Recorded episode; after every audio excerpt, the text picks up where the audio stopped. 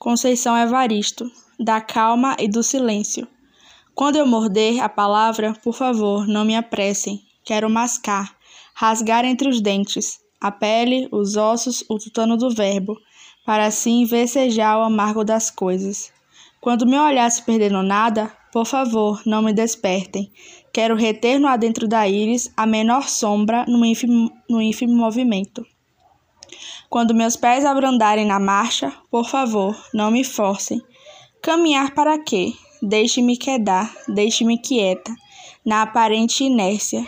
Nem todo viandante anda estradas, há mundos submersos que só o silêncio da poesia penetra.